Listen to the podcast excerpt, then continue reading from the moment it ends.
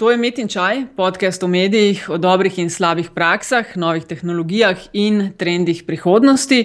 Gosti so profi, ki v medijih delajo, z njimi živijo in o njih razmišljajo. To je 53. epizoda Met in Čaj, pa kuhava. Nataša Briški, Metina Lista in Aljaš Pengov Bitenc, Radio Chaos na Twitterju, Afna Pengovski in Afna DC43, Metina Lista, pika si na spletu in Afna Metina Lista na Twitterju pod tem imenom. Nas najdete tudi na Facebooku. Hvala za podporo v imenu uh, naj obeh, hvala za podporo v vseh oblikah.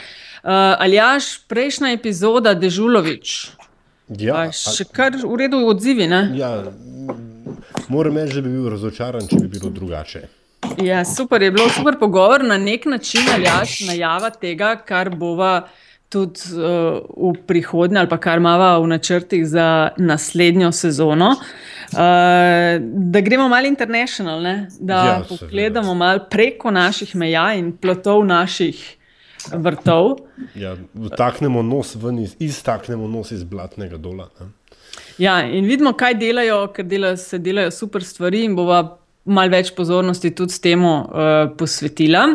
Uh, preden greva pa na današnjo gostjo, tokratno gostjo, ali jaš uh, spet razburja zakon o medijih. Dej, povej mi, res, ti, ti si malo bolj gledal uh, ne, ta sem, del. Jaz sem, ja, jaz sem zdaj seveda ta del gledal o, o, o kvotah slovenske glasbe. Ne? Ja, to sem in, te ujela, da si malo komentiral. In vse, kar lahko rečem, je, da je pač pot v peku tlakovana z dobrimi nameni. Mislim, da je um, iz tega dela v slovenski glasbi, ker z, z ostalim delom nove, mislim, novele, novele za me, da se nisem uh, uh, posebej še ukvarjal.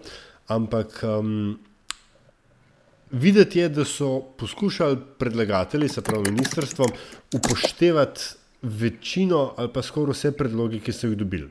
In seveda, s tem, ko so naredili to, ne, so naredili en tak grozen mišmaš, ki ni ničemur podoben, ker recimo, kar se zelo na hitro povem.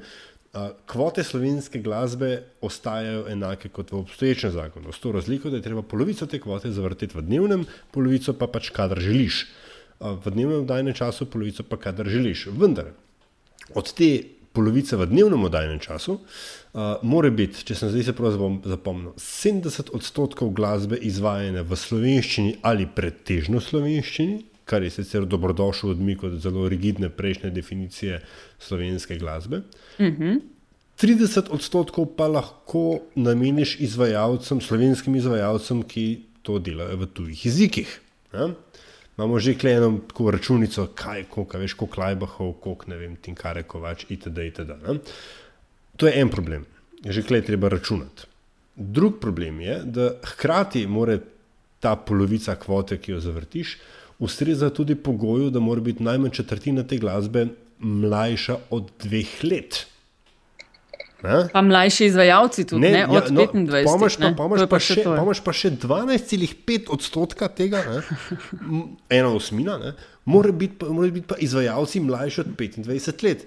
Da seveda ne govorimo zdaj o tem, to pomeni, da mora biti samo um, um, um, frontman, 25, manjka 25 let, a mora biti povprečje petčlanskega benda. Aha, to pa ni noter, to ne, pa ni ne, določen. Ne, kle se že malo hecamo naprej. Ampak veš, hočem, hočem reči, nekdo je mislil, ne, da bo zdaj pa za, za eno tako malce širšo formulo zadovoljil vse, plus to neko arhajično težnjo po zaščiti slovenskega jezika. Seveda, tole, kar je prstalo, pa na koncu.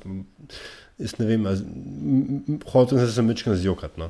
Ampak, gledaj, to je novela, a, mislim, to je, to je pač predlog novele, zadeva je v javni razpravi. Upati je, da bodo predlagatelji tudi nadalje tako zelo odzivni na sugestije iz strokovne in laične javnosti, da bo morda v končni fazi vendar nekaj ratal. Čakaj, do uh, katerega datuma je podaljšana ta mislim, javna mislim, razprava? Mislim, da je 21.7. se mi zdi. Ok, se pravi še približno uh, ko je ta epizoda objavljena, še ne deset dni. Nekaj tazga. Ja. Uh, ok, le, mogoče pa priložnost za naslednjo debato, ampak gremo danes k temu, o čemer bomo v 53. epizodi All Things Greece. In uh, seliva se v Grčijo, v Atene, ne, Katja? Ja, živijo. Živijo.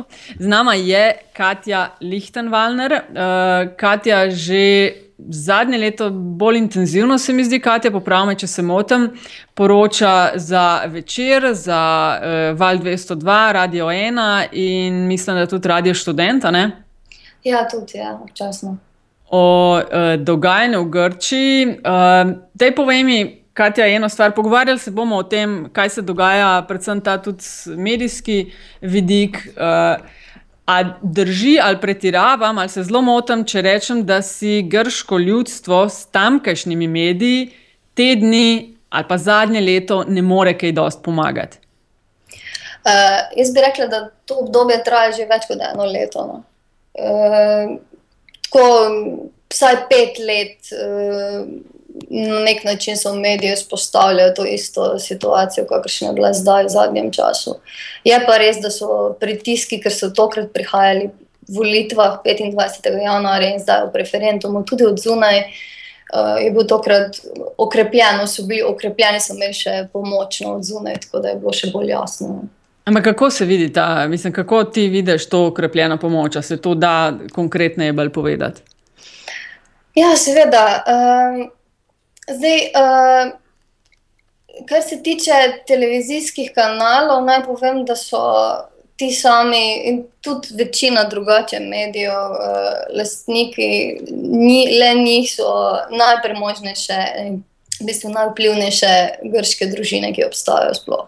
Torej, to so poimensko družine Vardino Janis, Kirjakos, Bobolas, uh, Micotakis.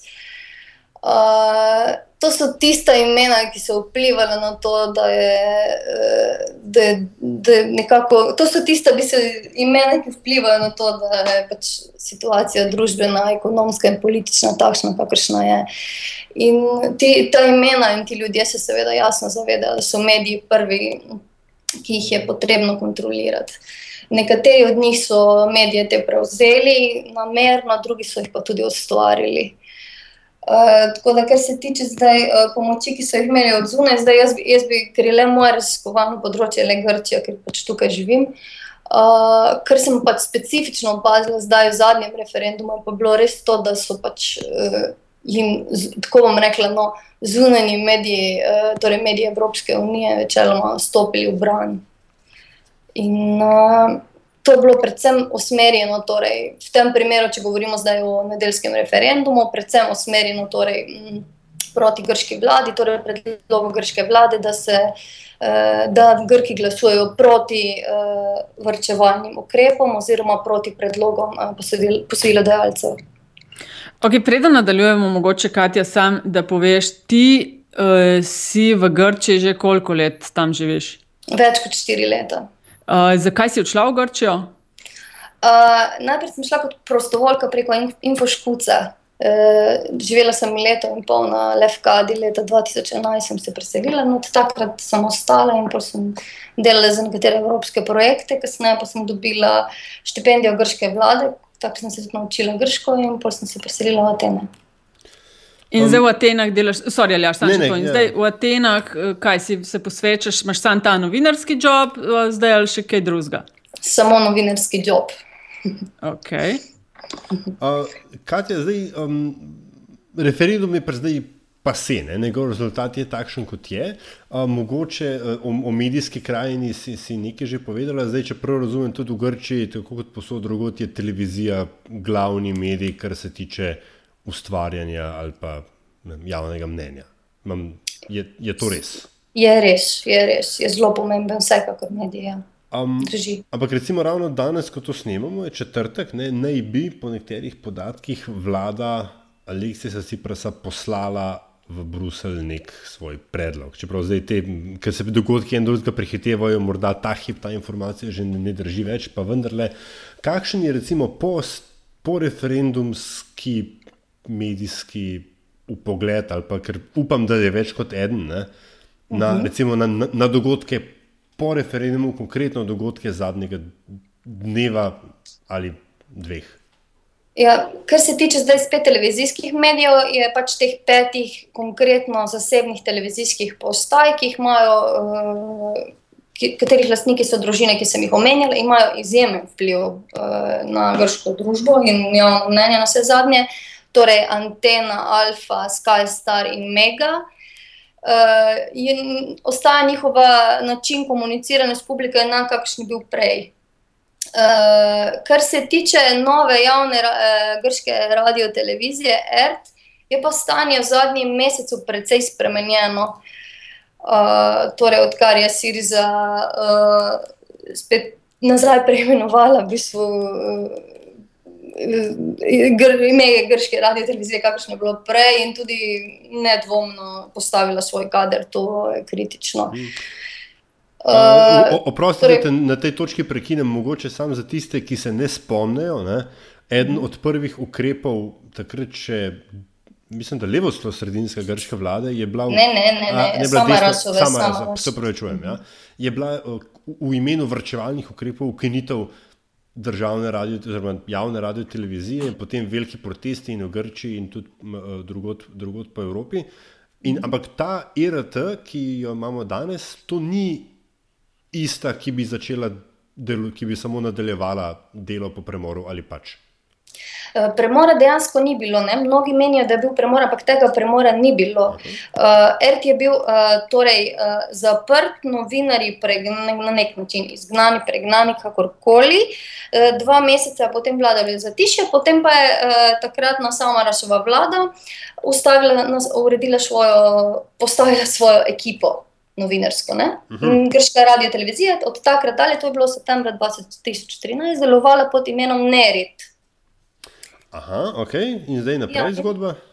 In potem se zgodba nadaljuje zdaj izpred eh, torej enega meseca, ko je pač ime se spet se je preimenovala v ERT. Aha, aha uh, razumem. In... Nova novinarska ekipa je spet postavljena, novo vodstvo. Ne? In uh, program je precej tudi spremenjen zdaj spet. Ne? Ampak kako spremenjen? Ja. A, a je spet... ja, spremenjen tako, da naprimer, specifično uh, poslanci, politiki iz Sirize, Adarsije, prej niso hodili na javne razprave, na Nerit, nikoli. Uh, zdaj jih pa tam vidimo, seveda. Zdaj vidimo celotne, vse politike. No? Ker v Grčiji je zelo popularno te uh, politične debate, vsakodnevne, že zjutraj se začnejo na, na, vseh na vseh televizijskih kanalih. Uh, zdaj, specifično pri RT je to, da imajo tudi zdaj akademikov, vidimo ogromno nekih intelektualcev, ne? nek čist novi spekter govorcev. No? Zlo, prav z veseljem je zdaj res poslušati, uh, prižigati uh, televizijo. Uh, Pa tudi v bistvu se precej se vidi, precej spremenjen, nek informativni program je precej drugačen, no, kakršen je bil prej. Da, ja. Ampak, če, če te prav razumem, se pravi ta stranka od Samarasa New Democracy, pa uh, Pasok, kontrolirata, sta prej ali pa še vedno kontrolirata večino tistih uh, privatnih medijev, zdaj, kar rečemo, kontrolirata pač svoje ljudi na teh položajih in predvidevam, da vsebino prilagajajo temu, kar njihova politika sicer narekuje, da ERT je pa zdaj pod uh, kontrolo Sirize. Uh, slednje bo držalo, ne morem reči, da ne. No. Uh, tisto prvo pa ne, ne točno. Uh, Zasebne televizijske postaje so lastni torej, teh uh, pomembnejših družin, uh, ki, vse, ki so seveda v dobrih odnosih s Pasoko in Novo demokracijo, ne moremo pa neposredno trditi, da, pač, eh, da sta ti dve stranki, ki kontrolirata te medije. To, ne, to gre pač za neke pač. Rečemo tamo dobre odnose, mrežo dobrih odnosov, politika, eh, mediji in pol, eh, na tak način pač so dobro funkcionirali zdaj.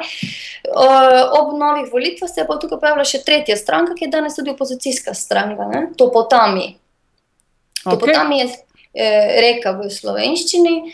Je torej stranka, ki je nastala izključno iz enega samega medija, torej eh, ideja družine Bobolas, ki v bistvu je tako na nek način, torej, ne samo da ima svoj medij, ogromno nekih svojih podjetij, ki povezanih s privatizacijskimi projekti in tako dalje, so ustanovili tudi svojo politično stranko, ekskluzivno. Mhm. Ampak zakaj je, tako kot si rekla, ERT zdaj veselje poslušati, pa gledati, prej pa ne. Pa prej je bila pač pod eno stranko, zdaj pod drugo stranko. V obeh primerih gre, predvidevam, za uh, vem, enostransko na nek način poročanje. Ali se motim? Mislim, da se ne motiš. Jaz sem tudi zelo kritičen, vse zadnje do tega. Uh, prej, naprimer, ko sem gledala, ne, jaz pač ne bi se mogla gledati, zato da pač nujno je na vse zadnje za razumevanje medijev, tudi spremljati medije, ki jih ne odobravaš, kakorkoli da se ne strinjaš z njimi, to je zdaj popolnoma nepomembno ne tukaj. Na bistvu. Naprimer, specifično da povem, uh, zadnji intervju Adonisa Samarasa.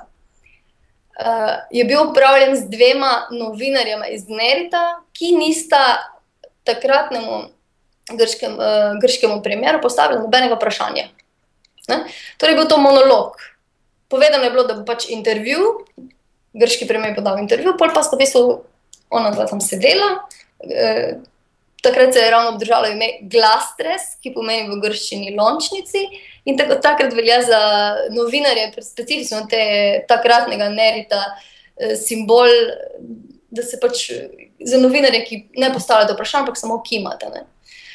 Tako da to je bila naprimer, ena, en, zadnja simbolna stvar, ki se spomnim iz takratne vlade. Drugače pa bila informativni program, je bil v bistvu podoben vsem tistim, ki si jih pač gledamo na na Mega, na Sky, Star. Tako da enostransko poročanje, ogromna raba ksenofobnih izrazov, to se je za me zelo skrajno nespremljivo, res.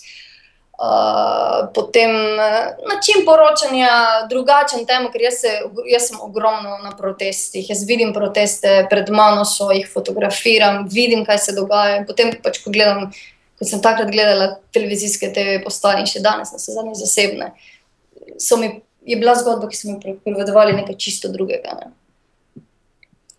Poroč, uh, ampak uh, ali jaš lončnic pa pri nas ni? Ne? Ja, ne vem, uh, mogoče, mogoče ne ravno v informativnem prime timeu, ampak uh, mislim, da kjerkoli drugje ne, bi se pa. Se najde kakšen tegalček, ne? Našla, ja. Kakšna ta lepa orhidejca. Um, ho, ampak v redu, zdaj smo mi pač pri televizijah, pa vendarle v tako političen narod, ne, kot Grki so, a, verjetno tudi odkje druge, mislim, na kakšen drugačen način konzumira. Kakšna je recimo vem, vloga, okay, rad, vem, radijskih postaj, na to imam mečem fetiša, ne, ampak če so pisal, recimo, ne vem. Uh, radijskih, kaj se radijskih postaj tiče, je zelo podobno stanje. Naprimer, lastnik uh, Alafužos, uh, ki je lastnik Skaja, televizijske postaje, je lastnik tudi treh drugih radijskih postaj. Načeloma nam na vsaka ta televizijska postaja počne tudi radijske postaje, to je mhm. zelo uh -huh. povezano. Uh, zdaj, pri časopisih je pa zelo podobna situacija. V bistvu, no? Polka Timerini, lastnika Timerini je isti kot Skaja, potem imamo tukaj prototema, to Vima, ta ne, a vse se pol povezuje v eno mrežo. Ne? Vedno je neko solastništvo, ki spet potem vedno prihajamo v nekaj na koncu do istih imen. No. Se pravi, mi v bistvu govorimo o, o, o, o vem, parih medijskih konglomeratih, medijskih mogotcih, ki v bistvu se kotalijo po grški medijski, ki kotalijo grško medijsko sceno. Uh, ne samo medijski, da so medijski, to, to, to so ti isti ljudje, so potem še eh, lastniki uh, ogromnih nekih rudnikov, potem so ladjarji, potem so še, več od vsega tega še. Uh, medije so si vzeli pač v. Ker jih nujno rabijo ja, za zdrževanje svojega statusa. Ne. Eni taki grški Williami Hurstin, ja, kako že. Ali Berlusconi. Ali pa Berlusconi, recimo. ja, ja, ja, to je mogoče boljše. Ja, ja. Uh, okay, ampak vendarle, gledaj, zdaj pa ti naivno vprašanje. Ne? Ampak v taki očitno uh, sovražni ne? medijski krajini do. Uh, idej vlade Aleksisa Ciprasa, ne nujno samo morda do Sirize, ne, ker vlada je pa koalicijska. A, mhm. kako potem se vendarle zgodi, da takšna opcija zmaga in zmaga tako zelo močno, a pol mediji vendarle nimajo tazga vpliva? Uh, je zelo dobro vprašanje. V bistvu, uh, to se je zgodilo že na vse zadnje pri volitvah, ne se je referendum na vse zadnje ni bil prvi. No, na vse za volitve sprašujem, predvsem. Tako, refer no, volitve in referendum. Glede, uh, vsi ti kanali so v bistvu na tarči uh, grške javnosti že dlje časa, ne? to traja že nekaj let, to ni nova stvar. Popolnoma. Uh, kritike, ki letijo na medije, so, to, to, že tra, to traja že nekaj časa. To je bil pač plot uh, večletnega tega, vse zadnje kritike, ki so ki letele strani ljudi. Sej publika je na vse zadnje spregledala. Ne? Uh, to je predvsem najpomembnejše, jaz mislim. Uh, po drugi strani pa so pa seveda bili čisto praktično, čisto praktično, uh, praktično stanje. Ne? To so posledice katastrofalnih vrčevalnih ukrepov, ki ljudje živijo. To je tisto, ki je potem pač v kombinaciji s tem, da so ljudje eh, začeli zavedati v nekem tem kriznem trenutku, na vse zadnje čakajo, mogoče pa ni točno tako, kaj, kot mi govorijo, ne? ker življenje, ki ga živim, ni to, ne? Je nekaj drugega. Ne? Mediji namreč uh, ti specifičnih pet, naprimer televizijskih, več čas preprečuje ljudi, da moramo specifično frazo, ki jo uporabljamo, samo še malo moramo potrpeti. Ne, pa bo bolje, takrat nas čaka boljše življenje, ne? tisto življenje za oblaki, neko, neko sanjarjenje. To je tudi čist ista fraza, ki jo uporabljajo samo raz in pa sok. Ne? Uh, tako da ja, ta retorika nekako uh, je trčila uh, ob realnost, grško bi rekla. No? In da so, lej, zanimivo se mi zdi, mislim, no, zanimivo, v bistvu dosta logično, ker poročilo Freedom House 2014, uh, v katerem je sicer bolj 2013 situacija v Grčiji, so za grške medije zapisali, da, so, da je scena partly free delno svobodna scena, da, da so precejšnji pritiski na novinarje, eh, politični in eh, ekonomski, da, kot si sama rekla, da mnogi lastniki medijev imajo tesne odnose z vlado, da na ključna vprašanja pogrešajo kritične odzive. Ti praviš zdaj, da so ljudje na nek način malo razkrinkali to igro teh, ne vem, v zadnjih lastnikov, ki peljejo medije. Ja, jaz bi rekla, da ja, ne se pravim, ker čist, čist za voljo tega, ker so se pač ozrli okrog sebe na vse zadnje. Ne. To, kar se, to, ideje, ki jim je dala vlada preko medijev, bili, niso imeli nobenega stika z realnostjo, ne, njihovo. Zdaj, Grčija, se, Grčija se zdaj zadnjih, mislim, pet, štiri, pet let zelo intenzivno se že ukvarjamo z to državo. Ti glih ta leta živiš v tej državi. Ali lahko malo opišeš, kako se je v zadnjih štirih letih spremenilo? Ne vem, kaj je bilo tam leta 2011-2012, česar danes ni oziroma je. Uh, jaz sem prišla v Grčijo, torej eh, v bistvu v prvem letu memoranduma. No. Eh, in živim v bistvu samo memorandumsko Grčijo, jaz drugačne Grčije ne poznam. Uh, to je Grčija nenehnih pritiskov, takrat še ogromnih protestov, res ogromnih, tega danes, danes, danes ni več. Uh, to je Grčija takrat upora uh, proti idejam, takrat pa šoka in sama rasa uh, in uh, nove demokracije, da so vrčevalni ukrepi tisti, ki bodo rešili na vse zadnje uh, državo pred gospodarsko in ekonomsko in socialno krizo. Uh, ampak eh, ker so pač memorandumi so bili podpisani, vrčevalni ukrepi so začeli izvajati, življenjski slog je pa začel drastično padati. Ne? Drastično padati. Uh, številke same uh, nam, nam naprimer, povejo. Ha? To ni zate, sorry, kar nadaljujem, bom to vandala. uh, številke same nam povejo, da uh, naprimer, 30 odstotkov ljudi živi pod pragom revščine. Uh, danes je, naprimer, govorimo o 30 odstotni brezposelnosti, tako kot sem jaz prišla, je bila polovič, polovica od tega. Ne. Med mladimi je danes 60 odstotna. Uh, pa tudi, naprimer, če ne vem, čisto praktično pustimo številke ob strani, ne, to lahko preberemo. Kar sem jaz opazila, nek. Uh, predvsem nek pojav anksioznosti, uh, tesnobe, depresije. Ljudje so več čas prestrašeni, strah je za, za prihodnost, uh, poraz samomorov, na vse zadnje. Ne? Uh, ne vem, jaz osebno sem čutila, res, da je nasmeh uh, začel počasi izginjati iz obraza ljudi. Ja. Kaj pa Leni Grk? Ta Jurek Stojan je imel, ne vem, če si, če si opazil, ali ja, še imel v večeru eno fajn kolumno. Uh, v Grčiji je in išče lenega Grka in ga ne more najti. Mm -hmm. Nisem opazil, ampak bežno, bežno sem zasledil ja. nekaj. Ja. Jo bomo dodali uh, na spletno stran. Uh, ne vem, kaj je Leni Grk, kaj je to? ne vem, mislim. Ne, jaz se mislim, ne ukvarjam sploh s, te, s, to, s to besedno zvezo, no, zdi se mi.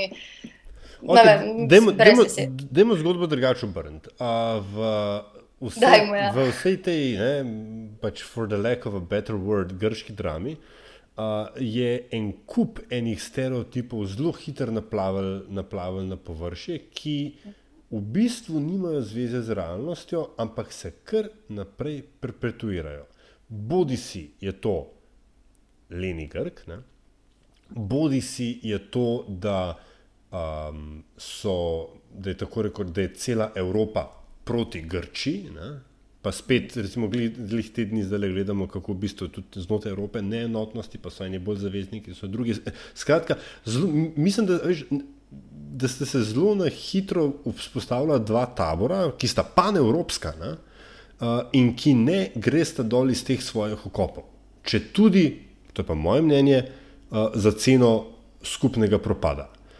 In me zdaj samo zanima, ali je po tvojem, oziroma tako, drugač, kak, kakšen je občutek ali pa kakšno je stanje duha v Grčiji. Ali je ljudstvo, narod, ne, um, sploh pripravljeno sprejeti kakršen koli dogovor, ker moj občutek je, da je bila retorika zaostrena v Grčiji, koliko sem lahko spremljal do konca, tudi seveda strani premijera Ciprasa in zdaj že bivšega finančnega ministra Vrofakisa.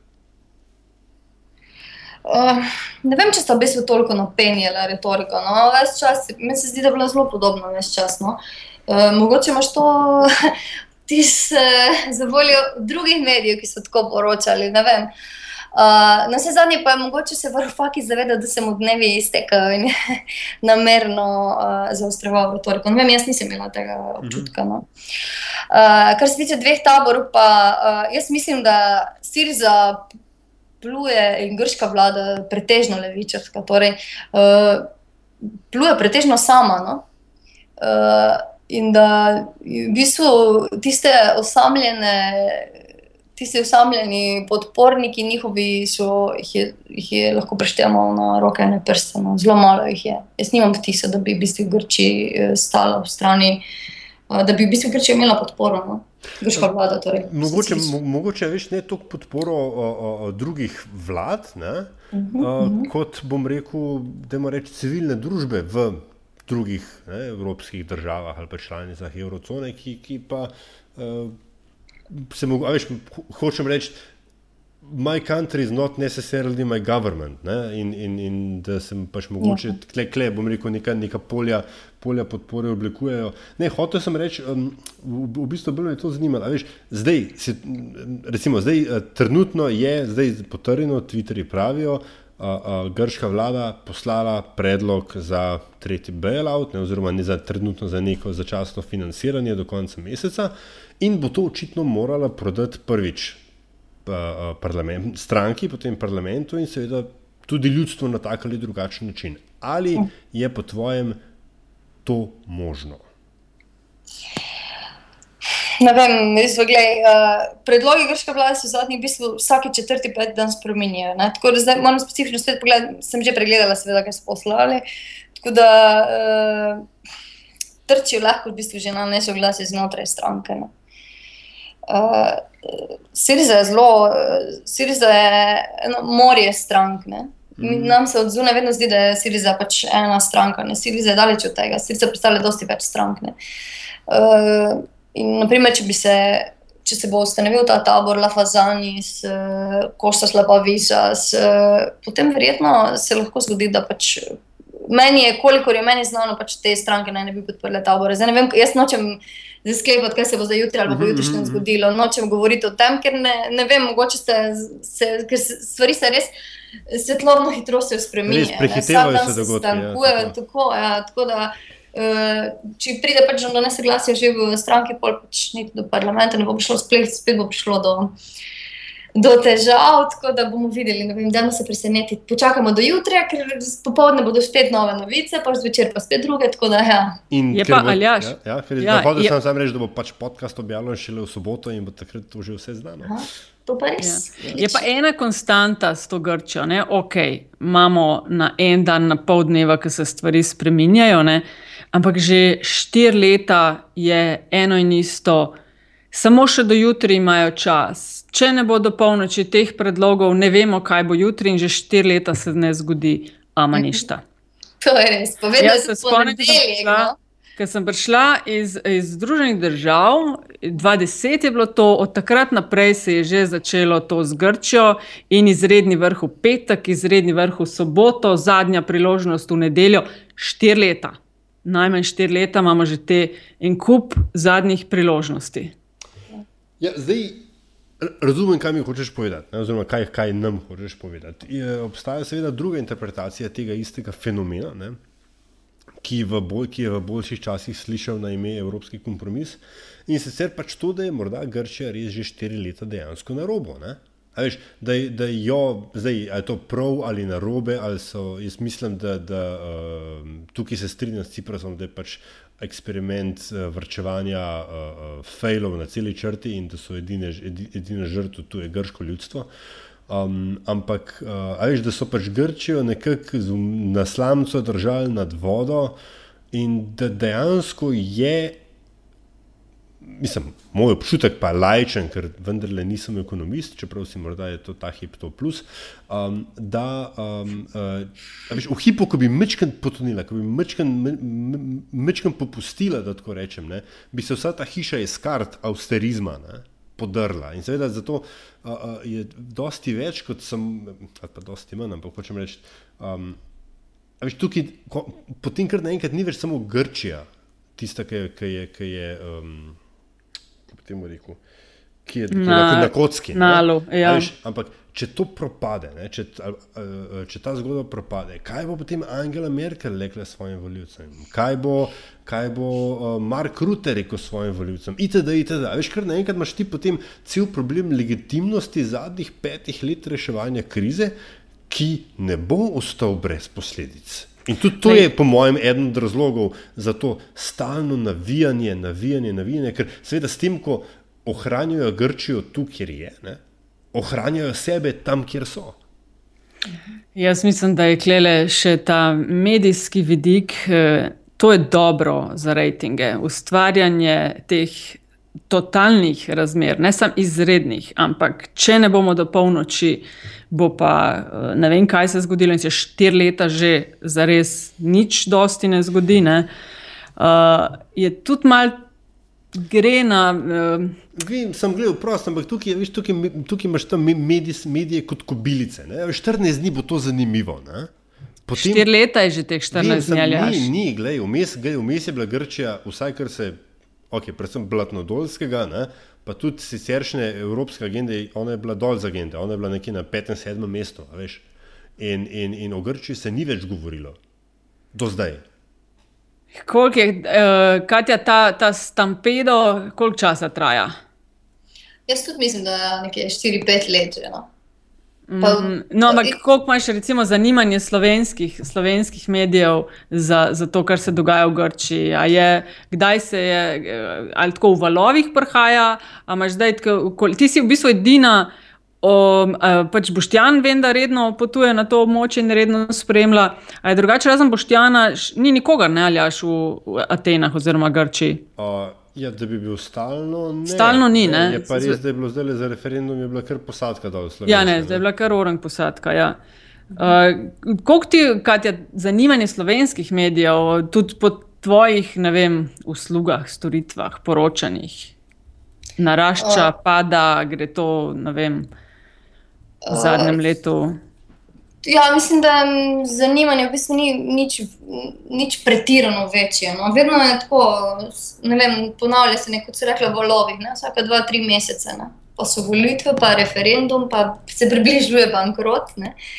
Pa, pa spet nova politična kriza, pa spet to. to tako da mislim, da vsake, vem, vsake dva, tri mesece se spet osveži po spomin, aha, kaj se pa tam dogaja v Grčiji bom pa spet malo pisali o tem. Tako, tako. Jaz sicer stalno pač pišem tedensko, načeloma uh, za večer, ampak uh, mislim, da to ni tako zelo, ni, ni veliko. No. Ne pripomorem se toliko k temu, da bi se res uh, osveščala slovensko javnost o stanju tukaj. No. Me mogoče ali až preseneča, da niso mediji bolj, te vsaj večje hiše poslale zdaj na ta konec Evrope kakšnega človeka, ki bi od blizu spremljal. Ne? Ker to, kar se z Grčijo dogaja, to je big thing. Ne samo za Grčijo, za Evropsko unijo, za Slovenijo. A, a, zdaj, a to me zdaj res ne sprašuješ? Uh, Potem, stroški sva, pa to, ne? Stroški, tri, ja. Ko so v 53 epizodah podcasta ja, še kar mal naivna, vem. Ugotavljala, da, da, da nas nič več ne zanima, razen pač res, ja. uh, blatnega dola. Ne? Da so, da so zunanje politične redakcije, oziroma sploh dopisništva, postala, da, oziroma jih, jih imajo za nek relikt preteklosti. Ne? Veš, se pogled, kaj nam je čuček rekel zadnjič. Veš, Ja. Afrike sploh ni. Ma ja, vem. Veš, in, in, in, zdaj, tako, če me na zemljevid pogledaš, Grčija ni delač od Afrike. Ne? To sem jaz kar mal žalostna, veš, s tem, kar se dogaja. Mislim, da, da Ja, s tem, ja, da ne ja. prepoznavamo, uh, Ne, da ker- če že imaš dopisnika v tujini, je porka dio, tam mora biti. Ja, veš, ne, ker fakt je pa tudi ta, ne, da si potem ti kot medij jasno omejen oziroma uh, obsojen na reinterpretacije dogodkov v Grčiji strani drugih medijev. Ne? Ja, sej to. Ker, veš, eno je res ta izkušnja, ko si tam. No, kaj ti ti povej, ker spremljaš tudi med grške medije, sama delaš in predvidevam, da bereš tudi uh, kakšne slovenske medije. Kje, kaj se ti zdi, da ne razumejo? Kje imaš občutek, da se motijo, po tvojem mnenju? Uh, jaz mislim, delajo da napake? ja, večina slovenskih medijev ne poroča o Grčiji, v kakršni jaz živim. No. To je moja prva kritika. Jaz si ne prepoznam te Grčije, o kateri pišejo.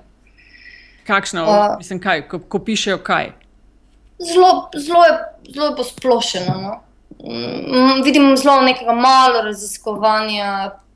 Raziskovanje, predvsem, ne? ker če ti pišeš za Slovenijo, se ne, ne zahtevam zdaj od tega, da pač moraš analizirati neko grške politik, govore politikov in tako dalje. Ne? Se razumem, da pač tu nekih so ovire, ampak eh, neka ta pripisovanja, ki jih opazujem vedno več, eh, neke, neko osnovno poročanje, res na popolnoma osnovno, pač pred, ne vem, specifično. Naprimer, ne? Pred bančnimi bank avtomati vidimo vrsto ljudi. Zakaj je zdaj vrsta ljudi tam? Zato, ker pač želijo dvigniti denar. Ne? Tako zelo preprosto se to pač razloži. ne. Eh, Ta namreč eh, ravno ta specifičnost, eh, to bi zelo rada povedala, kaj se je namreč zdaj zgodilo s tem. Ne? Te dolge vrste pred bankomati so bile pač interpretirane neposredno, simbolno tudi, ne? zelo kot napad na grško vlado, ker je pač zaprla banke. Ne? Uh, kot prva, grška vlada ni zaprla bank. Ne? Zapr neposredno je grške banke zaprla Evropska centralna banka ne? z ukinitvijo likvidnosti. Potem drugo, uh, tu je bil specifičen, specifičen moment, ki so ga mediji ujeli. ne. Uh, Grki, namreč, ki so ostali v vrsti, so bili nač, namreč zdaj, naprimer, specifično v tem trenutku tam, tudi zato, ker so dvigovali pokojnine, ker je bil čas pokojnin. Aha, ja, ja. Tretja stvar so bile pač jasno, pragmatično zaprte banke. Ne? Torej, če imaš ti zaprto banko, pač ne moreš dvigovati denarja in ga greš dvigovati na uh, bančni avtomat. Četrta zelo stvar je pa, to pa lahko vsakdo pove, ki je bil že v Grčiji. Vse to je zelo, zelo jasno. In to, naprimer, bi, mislim, da javnost lahko kritično odreagirala na to. Ne? V Grčiji je namreč težko plačevati z bančno kartico. Ne? In torej rabiš gotovino. In če, če je limit trenutno 60 evrov, potem pač stojiš v vrsti. In kaj to ustvari? Ustvari vrste. Ne? Interpretacija tega pa je bila pol malo drugačna. Ne? ja, sem to res pišel, to si dober primer dala. Ta je Ja, odličen, jaz res. Dajem ta primer zaradi tega, ker me, me, mislim, me zelo zmotilo. No, res. E, Nobenega zakaja, ne? nobenega zakaja. Vidimo vrsto, banč, med bančnimi avtomati so vrste, konec. Panika, Sprašujemo ni denarja. Ja. Ja, to je to. Ne? Ne, mislim, tu leti kritika na te poročevalce in pač te novinarje, ki so bili zdaj namreč tukaj. Ne? Noben se ni spraševal, zakaj se to dogaja. Ne? Zakaj je bil? To je bil specifičen moment, ne? to je bil trenutek, zakaj se je to zgodilo in ima dosti zakaj. Tako, Ali ti, ti še kakšen pade na, je še kakšen ja, ogromno zdi? je. Kaj, kjer je še, no? če se kakšnega spomniš, je tako res- res tak bias. Okay, ke- ke- da bom pa jaz nekaj drugega vprašal, ker pač, um, uh, uh, ker smo že pri Bajasu, da se malo vrnemo nazaj na, na medijsko-politični mehurček v, v, v Grčiji. Um, za razliko od tebe, Katja, sem jaz pač blazna težava, ker, ker grško ne razumem. In je to še en problem, zaradi katerega smo pač jaz in meni podobni obsojeni na, na um, posredno poročanje, oziroma se pravi na, por, na spremljanje poročanja. Tako, tako, hvala, spin, sem hotel reči. Ne. Ampak je, je pa bil moment, ko je ERT, v, mislim, da tisti ponedeljek, ko je šlo vse v franže, ne, ko, ko je uh, uh, Cipras uh, napovedal uh, referendum, uh, je imela ERT intervju z njim v živo, se pravi, tolmačen v angleščino. Pa ja. ne, ne bom povedal, kaj mislim, tako, iz, iz mojega vprašanja boš razumela, kaj se meni zdi. Uh -huh. Ali Aleksis Cipras, ljudstvu, ne, narodu, pove stvari po resnici, ali bom rekel, tudi on, tako kot ne, zelo verjetno evropske, evropska stran, spina zgodbo sebi v notranje politične koristi. Um, Glej, Aleksis Cipras je politik. Uh -huh. uh, jaz menim, da je Aleksis Cipras sicer iskren politik, je pa tudi naiven politik. Uh, jaz, jaz menim, to je moje osebno mnenje, da je imel dobre namene s, s, s svojimi predvoljenimi obljubami. Uh -huh. uh, menim tudi, da jih še vedno ima. Uh, hkrati pa. Hkrati pa mislim, da bi moral tudi bolj jasno povedati, ob kaj je trčil. Ne? Ker trčil v eno uh, zelo trd zid. Uh, in to bi mogel mogoče bolj jasno povedati. No? Zdi se mi, da še vedno prodajajo neko fikcijo, da nam bo sigurno uspelo, da nam bo uspelo. Ne? To je malo, se mi zdi malo naivno. Ne? Ampak mislim, da kar je zelo pomembno, je pri tem, da m, ljudje so ljudje še vedno podpirajo uh, grško vlado. Uh, jo sprejemajo kot vlado, ki, se, eh, ki je tisto, če tudi ni uresničila v celoti tega, kar je želela, je pa vsaj poskusila. Uh, tako da, ja, to je to. Uh, moja osnovna kritika njegovih, predvsem govorov v, v tem zadnjem času, zdaj, je to, da pač se predstavlja preveč um, usmerja v to neko, ne nekno, naprimer, ponavlja izraz uh, Grčija, demokratična država, v Grčiji se je rodila demokracija. Ne. To je zelo neko centraliziranje, se mi zdi, to, to mi ni preveč večno. To ni bilo, naprimer, prej. Ne. Pred volilnem govoru ni, ni bilo to. Mm. Takrat je prodal neko iluzijo, pač, ki je na vse zadnje ta politična stranka tudi ima, ne, neko politično idejo, v prvi vrsti, ne iluzijo, rečemo idejo. No. Uh, zdaj pa to na vse zadnje postalo, no, mislim, da bolj že iluzija. No. Dejstva so namreč drugačna, realnost je drugačna in to ni pač. Jaz mislim, da bi bilo bolj pom večkrat pomembno, da to poudari. Ne. Ampak, kot rečeno, Aleksis Cipras je politik. Hmm. Kako zelo pa ti, Katja, misliš, da si delala si za te neke civilno-družbene organizacije in inicijative v Grčiji? Uh, Uh, in predvidevam, da te je to tudi malo izoblikovalo, kar se tiče mnenja o tem, kar se v Grčiji dogaja.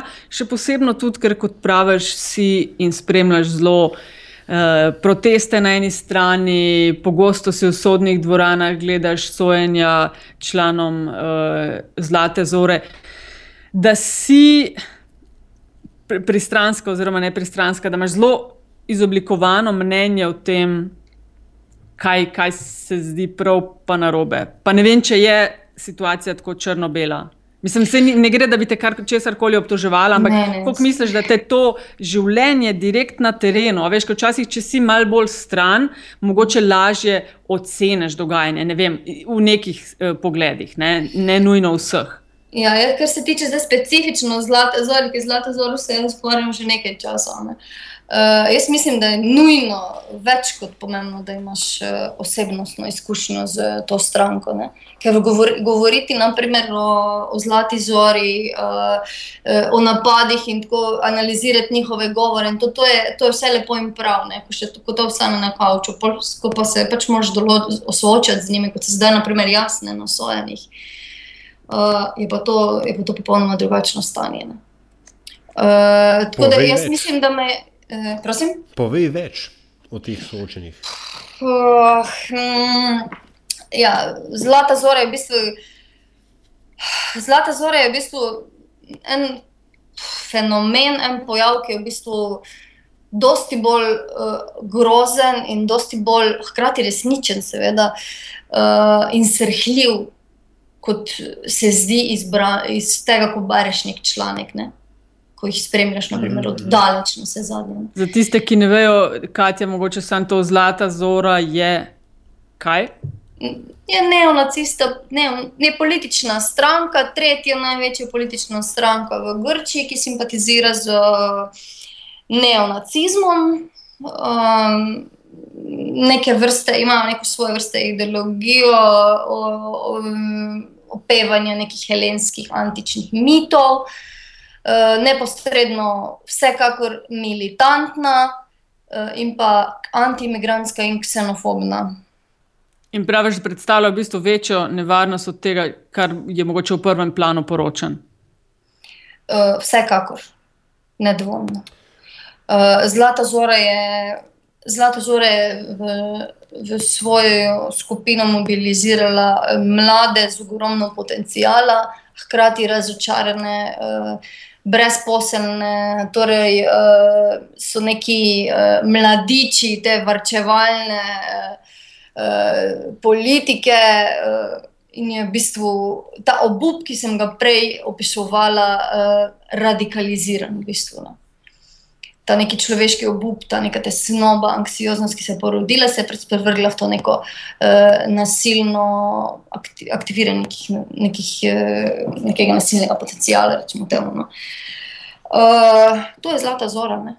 Zlata zora je hitra, zlata zora je dobro organizirana srhljivo dobro organizirano. Zdaj se, zdaj se tega komaj zavedam, ko sem v bistvu na sojenju. Ne.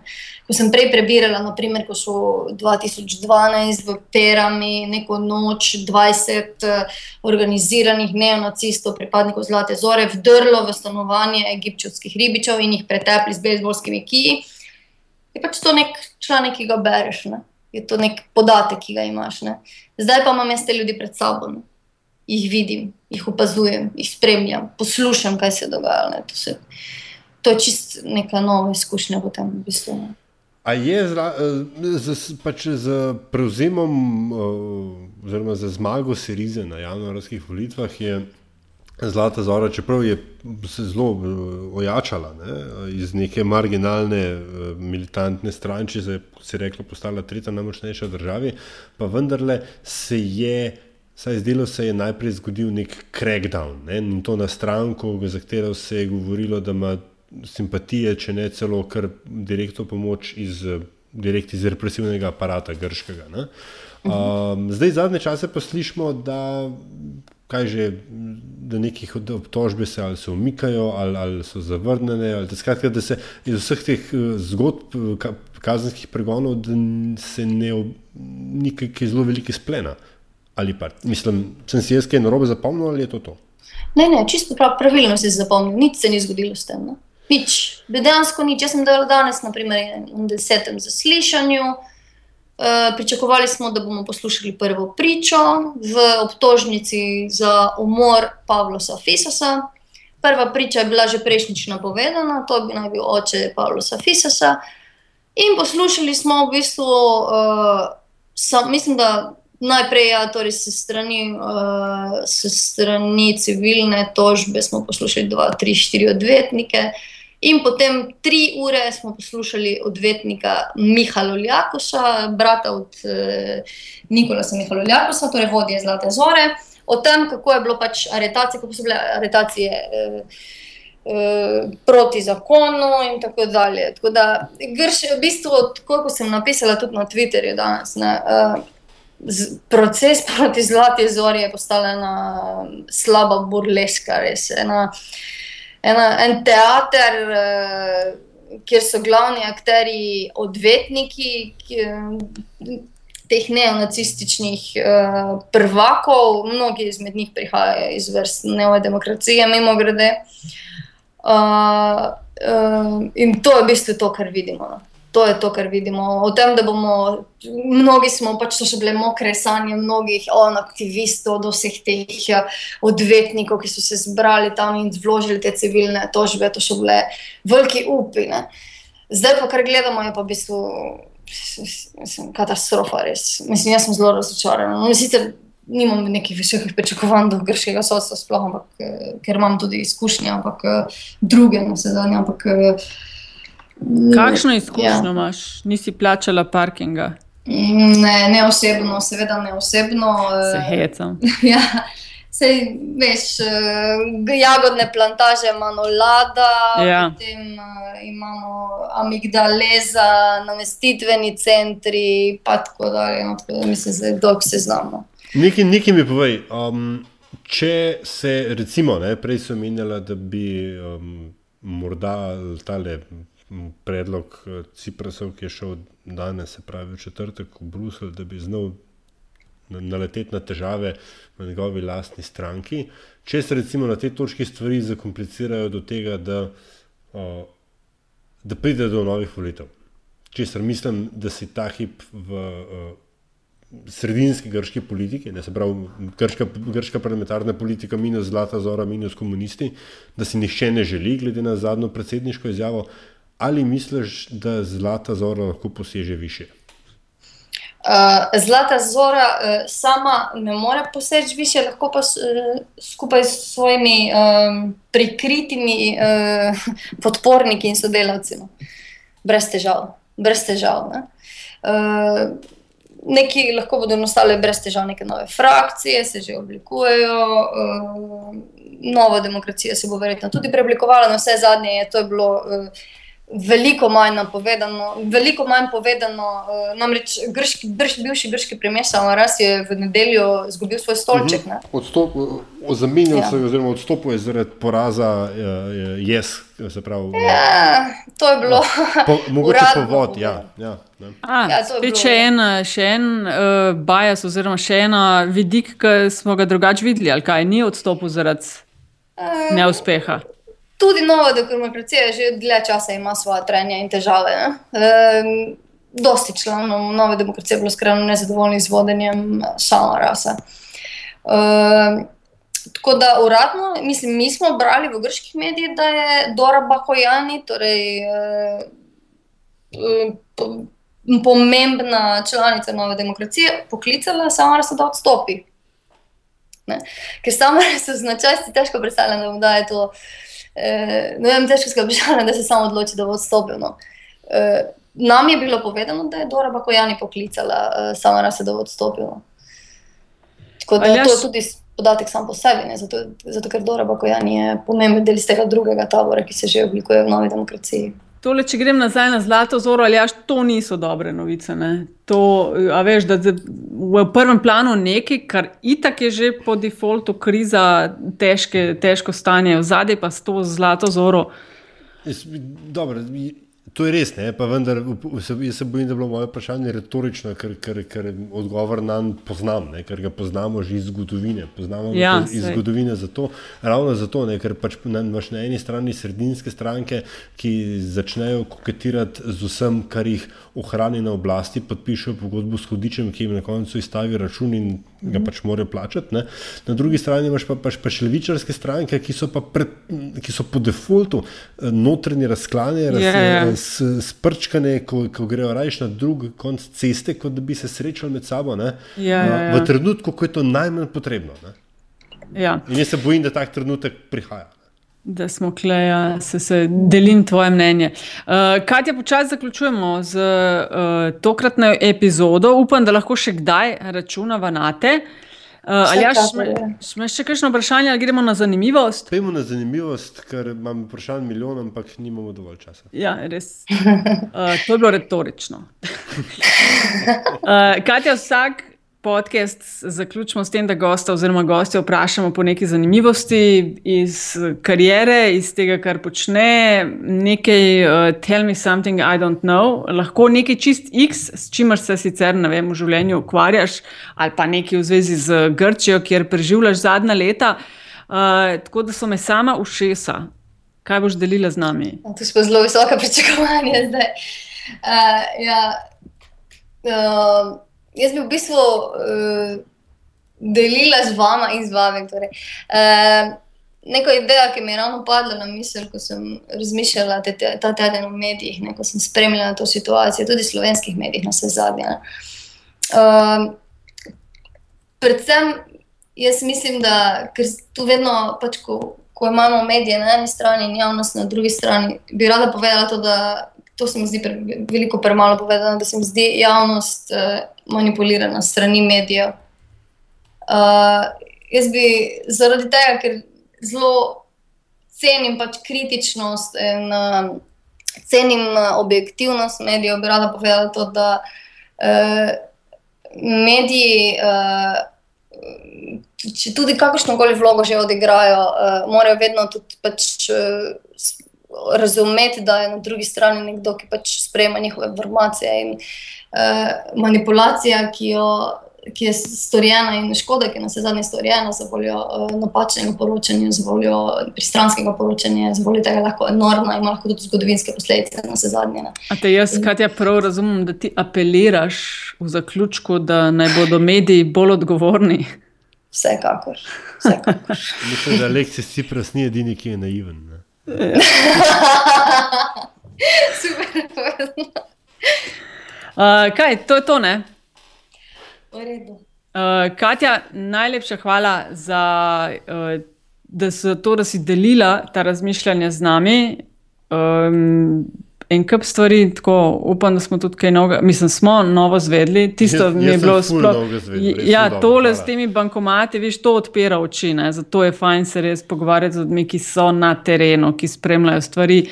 Ne, aha, zdaj pa ta vikend gremo pa malo v Grčijo, ampak uh, sistem že par let v teh uh, stvareh. Tako da, ful ti hvala. Ja, enako, hvala vam, res mi je bilo veselje. No? Uh, drugač pa, no, ali jaš ti še kakšno zaključno, ali uh, povemo, kje smo, kje se nas najde. Ja, Katja, na Twitterju si ti Afna Lichtenwalner, se prav spomnim. Res je. Okay. Mi dva sva na Afna Pengovski in Afna DC43 oziroma Afna Metina lista. Um, za mnenja, mnenja dobrodošla tudi na elektronski pošti info.afnametinalista.si.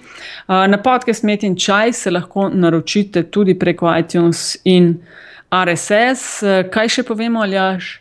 Klikajte, doniraj, doniraj, doniraj. A, donira, ja, Ja. to fajn. Ker um, ne, ni samo uh, neka evropska država odvisna od pomoči. To sem ravno ne. povedati. Ja. Ja, ne. Tako da, Ni samo Grčija tista, ki bi rabila. ki rabi vaš denar, tako plačevalski. Kje so zdaj mediji? Kje so Ja. zdaj mediji?